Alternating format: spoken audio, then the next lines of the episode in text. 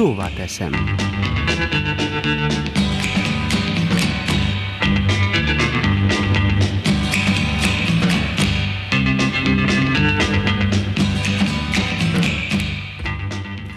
Jó napot kívánok! A Mediana közvéleménykutató nemrég megvizsgálta, hogy pillanatnyilag melyek azok a társadalmi problémák, amelyeket leginkább nyugtalanítónak vélnek a szlovén választópolgárok.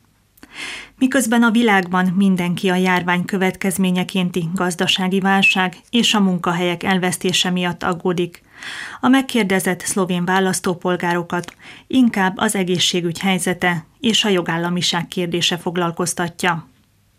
A járvány miatt természetes, hogy előtérbe került az egészségügyi ellátás hozzáférhetősége és minősége.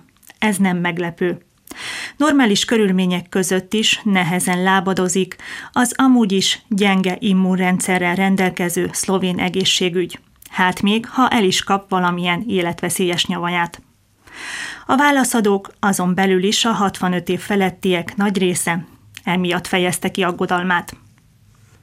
A munkahelyek elvesztése és a szlovén gazdaság helyzetét a megkérdezettek mindössze 27%-a tartja aggasztónak, miközben a jogállam működését 41%-uk. Ugyanennyien támogatják az előrehozott választásokat. Hogy egyáltalán felkerült a listára a jogállamiság kérdése, az a jelenlegi politikai garnitúrának köszönhető. Ugyanis úgy tűnik, hogy a most hatalmon lévők egyre inkább eltávolodnak a demokratikus értékektől, és mindinkább a magyar és a lengyel mintát másolják. Ahova csak lehet, saját embereiket ültetik. Ha úgy kívánja az érdek, eltávolítanak mindent és mindenkit, és úgy tesznek, mint akik a törvény felett állnak. Felkerült a listára a média kérdése is, ugyanis a válaszadók 30%-a fejezte ki aggodalmát a szabad sajtó jövőjét illetően. Ez nem is olyan meglepő ezekben az időkben, amikor is a hatalmon lévő politikai párt tévécsatornákat, lapokat, internetes oldalakat vásárol, ha kell, szimpatizáns külföldi kormányok segítségével, miközben nyíltan a közszolgálati médiaház leépítésén fáradozik. A koronavírus miatti aggodalom az utolsó helyen végzett. A válaszadók 16%-át nyugtalanítja a COVID-19 vírus. A többség elégedett a megelőző intézkedésekkel, és bízik annak hatékonyságában.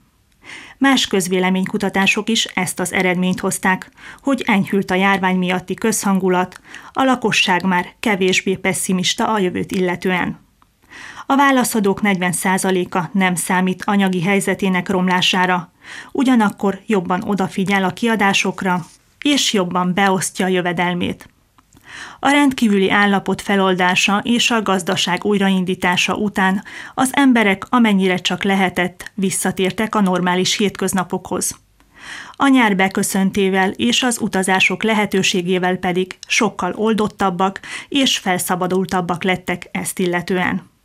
Remélem, a járványt és a következményeit minél gyorsabban átvészeljük, hogy senki nem marad munkanélkül, valamint hogy az egészségügyünk nem csak az elméletben, de végre gyakorlatban is hatékony lesz.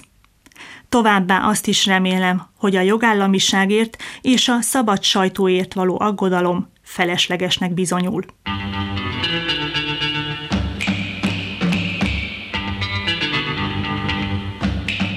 Szóval teszem.